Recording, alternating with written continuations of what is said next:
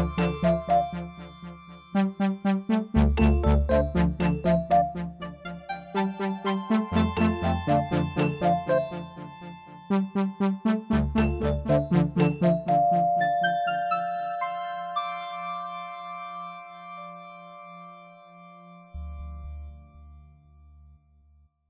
Welkom bij de aanbiedingspodcast van uitgeverij Pluim. Mijn naam is Chris Keijnen en ik spreek met schrijvers, een vertaler en pleitbezorgers van negen zeer behartenswaardige boeken die in het najaar van 2019 en het prille begin van 2020 verschijnen.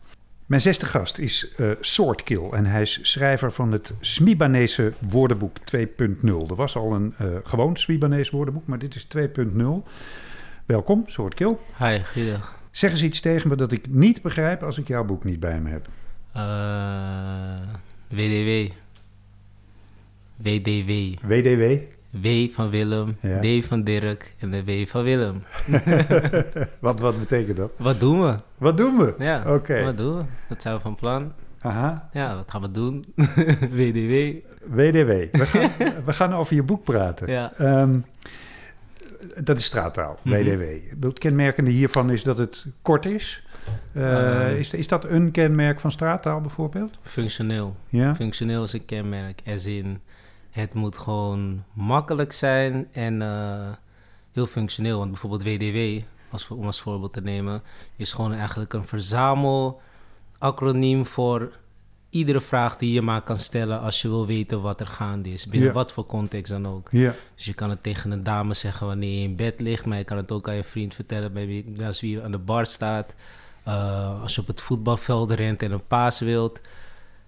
In elk geval kan je gewoon WDW zeggen. Het is best simpel. Terwijl ja, in andere talen, bijvoorbeeld het Nederlands, is het soms best wel complex. En, nou ja, ik wil ook zeggen, wat doen we? Ja, precies, kan ook.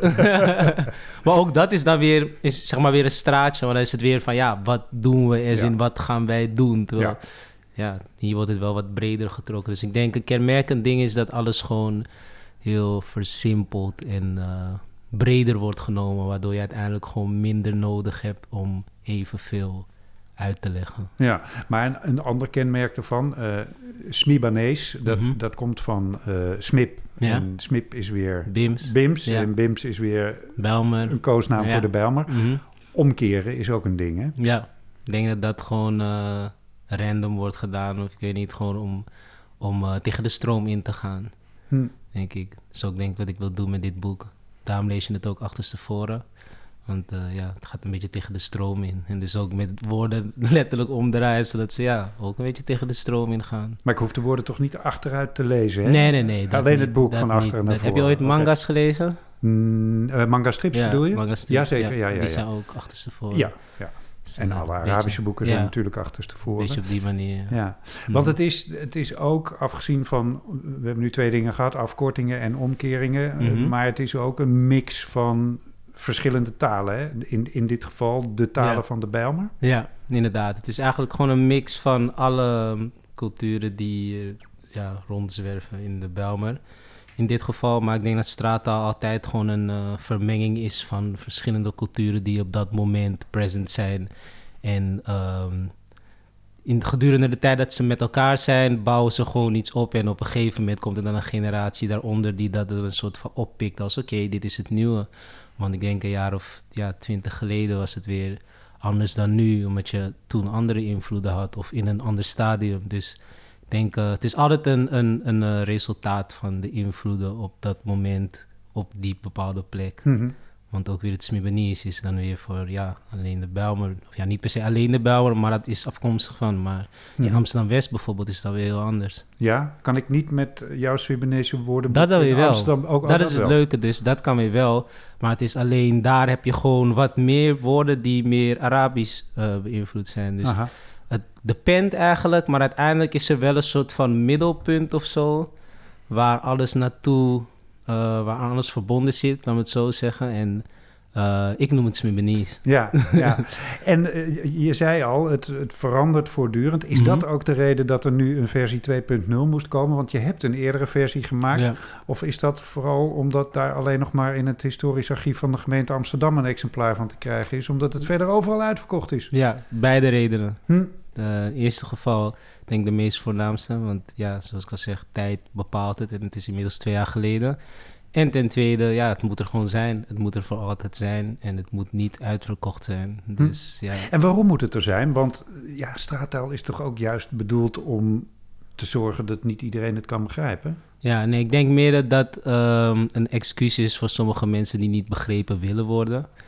Ehm, maar ik denk niet dat het per se dat is. Ik zie het persoonlijk gewoon als iedere andere taal. En eigenlijk op het moment dat je die shit documenteert, dan is het een soort van een, een, een aangenomen ding. Als oké, oké, dat is dan dat.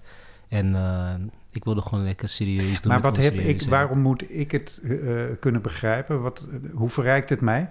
Um, ik denk dat je dan gewoon um, inzicht krijgt in een hele laag van gebeurtenissen waar je nu maar tot een zekere hoogte in kan treden. En het is best wel een interessant gedeelte of interessante laag van de Nederlandse bevolking. Ja, dus het is niet alleen taal, het is toegang tot een hele wereld. Toegang tot, inderdaad, een wereld in muziek. Uh, het uitzicht in een lifestyle gewoon, in, in hip-hop eigenlijk in mijn ogen. Dus ja.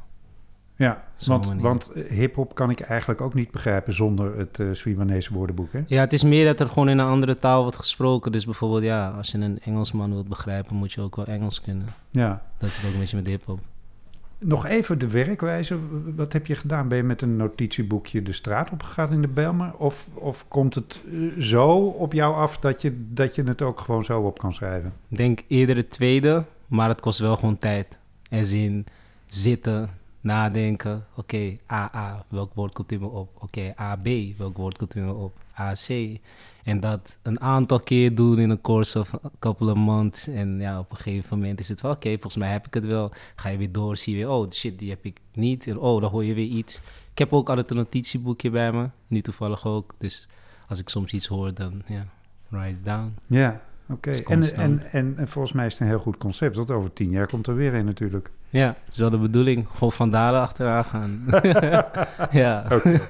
Hartstikke goed. Swordkill, schrijver van het Smibbanese woordenboek 2.0. En dat verschijnt op 2 november in de museumnacht, hè? Uh, ja, is wel de bedoeling. Oké, okay. spannend. Dankjewel. Yes. Dankjewel.